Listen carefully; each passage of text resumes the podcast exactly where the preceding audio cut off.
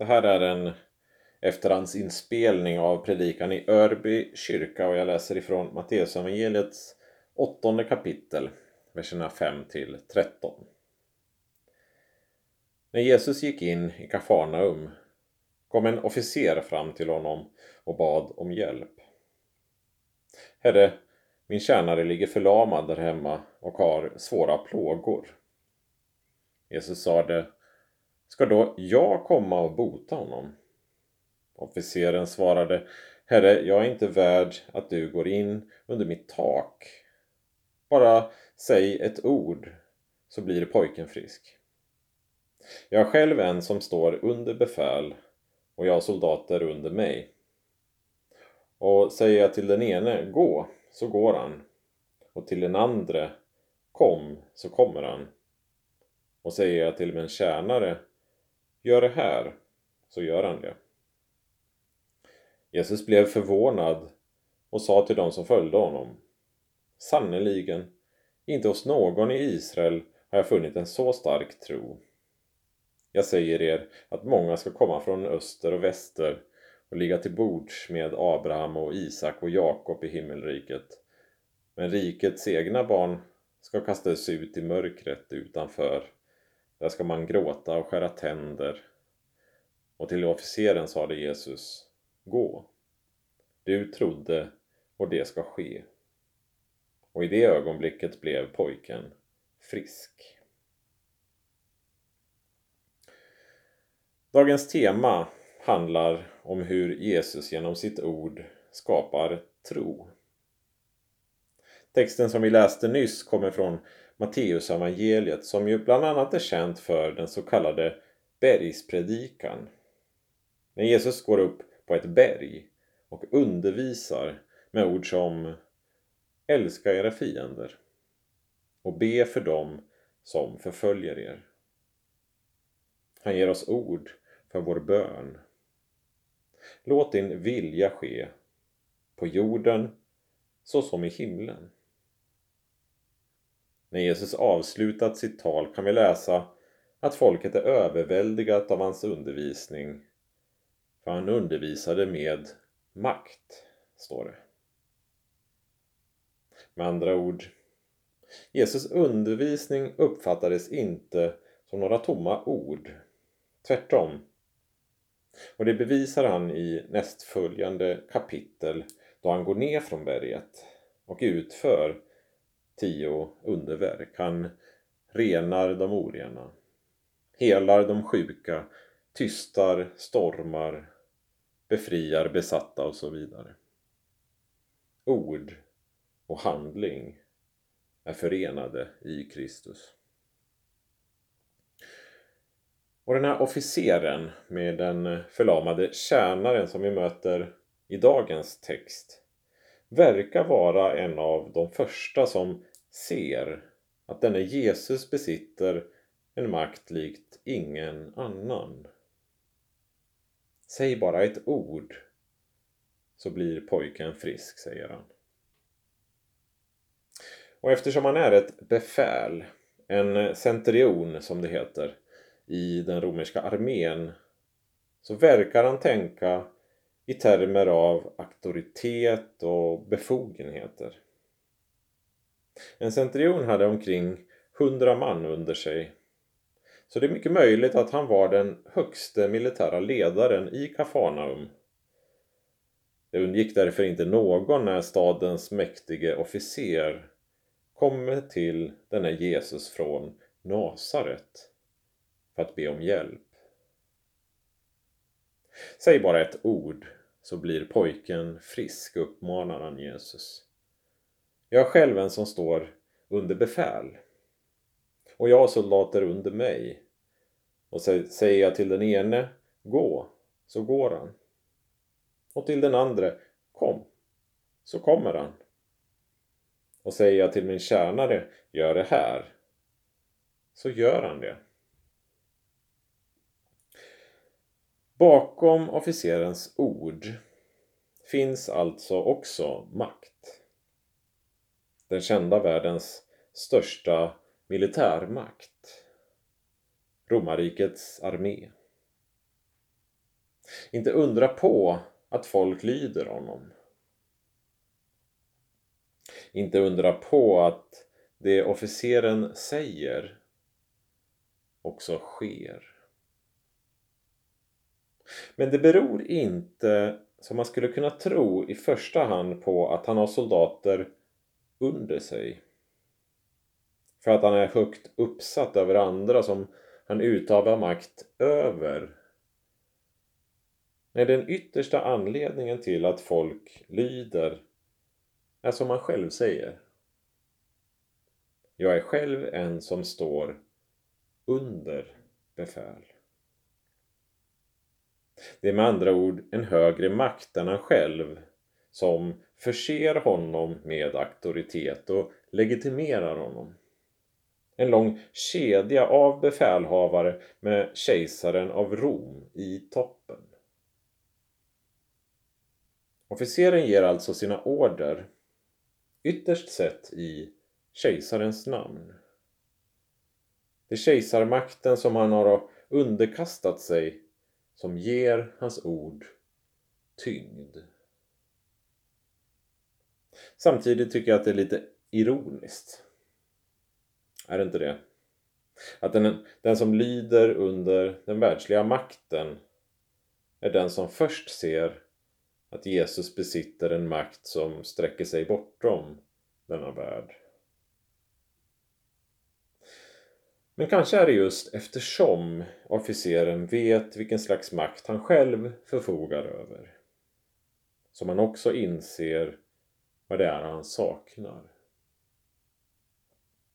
Militärmakten som utgår ifrån kejsaren bygger på den starkes rätt och i förlängningen hot om död. Om du inte lyder råkar du illa ut. Men Jesus makt är något helt annorlunda. Krossa inte era fiender. Älska dem. Förbanna inte dem som förföljer er. Be för dem. Jesus ord andas liksom löften om ett nytt slags liv. Ett liv i ett annat slags rike än romarriket. Eller Svea rike för den delen. Och att officeren har en så oerhörd tilltro till Jesus auktoritet att det räcker med ett enda ord för att pojken ska bli frisk. Kanske beror det på att han har förstått att Jesus kommer med ett annat rike. Det vill säga att Jesus har underordnat sig en annan makt som är långt starkare än den officeren hittills har valt att underkasta sig. Jesus, Guds son, talar och handlar i Faderns namn. Och eftersom han är ett med Fadern och gör sin faders vilja så sker också det han säger. Gå, säger Jesus till officeren. Du trodde och det ska ske. Och i det ögonblicket blev pojken frisk.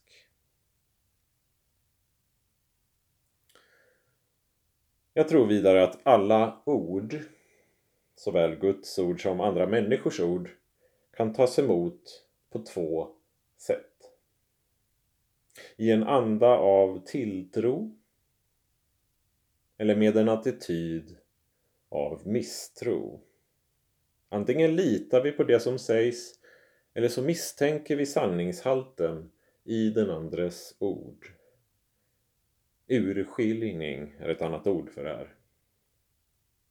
Men ganska ofta kastas vi nog fram och tillbaka mellan dessa poler likt en pendel. Eller kanske en gunga som gungar fram och tillbaka. Kanske några av er minns hur det krävs ett visst mått av tro när man ska hoppa från gungan. Men ibland greps åtminstone jag av tvivel just i hoppögonblicket. Och vad händer då? Jo, gungan åker tillbaka igen. När vi ställs inför viktiga livsval kan vi uppleva den här pendelrörelsen. Likaså i relationer.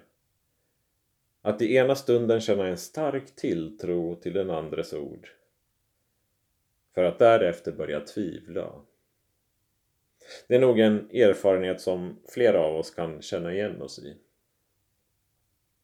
Men vi kan också uppleva den här pendelrörelsen i vår egen gudstro.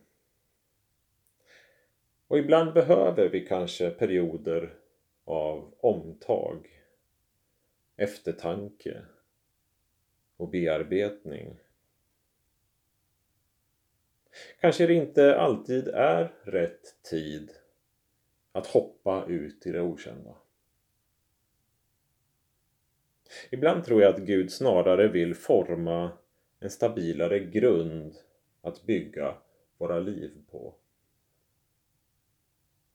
Gud är nämligen långmodig. Det är ett av mina favoritord. Gud förser oss med det mått av tro vi behöver. Fast den här officerens tilltro till Jesus ord verkar märkligt nog inte svänga fram och tillbaka på det här sättet. Det står faktiskt att Jesus själv blev förvånad över officerens starka tro. Jesus blir bara förvånad två gånger i evangelierna. Och båda gångerna gäller det människors tro. Eller brist på tro. I dagens text så förvånas han över att han har funnit en så stark tro hos officeren i Kafarnaum. Medan han i Nasaret, i sin hemstad, förvånas över att invånarna tvärtom inte ville tro. Där har vi dem igen, de två ytterligheterna, tro och misstro. Men om vi lever våra liv med misstro som grundinställning så tror jag att vi liksom sågar av grenen vi själva sitter på. Vi underminerar oss själva. För är det inte så att tro är nödvändigt för alla människor? Och då talar jag om tro i dess vidaste bemärkelse. Utan tro på att bron håller så vågar vi inte korsa den. Utan tro på elsystemet vore det meningslöst att stoppa in mat i frysen. Utan tro på att någon kommer att lyssna på oss vågar vi kanske inte ens öppna vår mun. Tron föregår med andra ord alla våra medvetna handlingar. Utan tron blir vi passiva. Om vi dessutom inte tror att en sak är att föredra eller är bättre än något annat så saknar vi ju skälet till att göra det ena snarare än det andra. Så tro i den här vidare bemärkelsen är något som alla människor har. Men kristen tro rör sig på ett mycket djupare plan än den här allmänmänskliga tron vi alla bär på. För kristen tro handlar inte i första hand om mig. Mitt eget handlande. Eller huruvida min egen tro är stark eller svag. Det är Kristus som står i centrum. Som kristna behöver vi därför inte försöka övertyga oss själva om vår egen förmåga till tro. Då vänder vi oss bara inåt och riskerar att klamra oss fast vid oss själva istället för vid Kristus. Berättelsen som jag personligen ständigt återkommer till när det gäller min egen kristna tro är när Petrus försöker gå på vattnet fram till Jesus. Han verkar så övertygad att kunna gå på vattnet. Men hans tro håller inte när havet börjar storma. Han sjunker ner i djupet. Det är då, när han inte längre förmår något på egen hand, som han ropar Herre, hjälp mig! Och Jesus sträcker genast ut handen och griper tag i honom. Du trosvage, säger han. Varför tvivlade du? Även när vår egen tro brister. Kanske när någon vi älskar drabbas av lidande. När vi blir svikna. Eller när oskyldiga utsätts för ondska. Så fortsätter Jesus hålla oss i sitt trofasta grepp. Han släpper inte taget bara för att vi vacklar. Ofta är det nog i stunder då det känns som att vi bara sjunker som Kristus visar sin trofasthet allra tydligast. Och på så sätt varsamt formar vår tilltro och tillit till honom. Kanske är det som officeren sa. Att vi bara behöver ett enda ord. Ordet är givetvis Jesus själv. Det är han som är Guds ord. Guds eget tilltal till var och en av oss. Det vi är kallade att göra är att visa oss villiga att ta emot honom. Amen.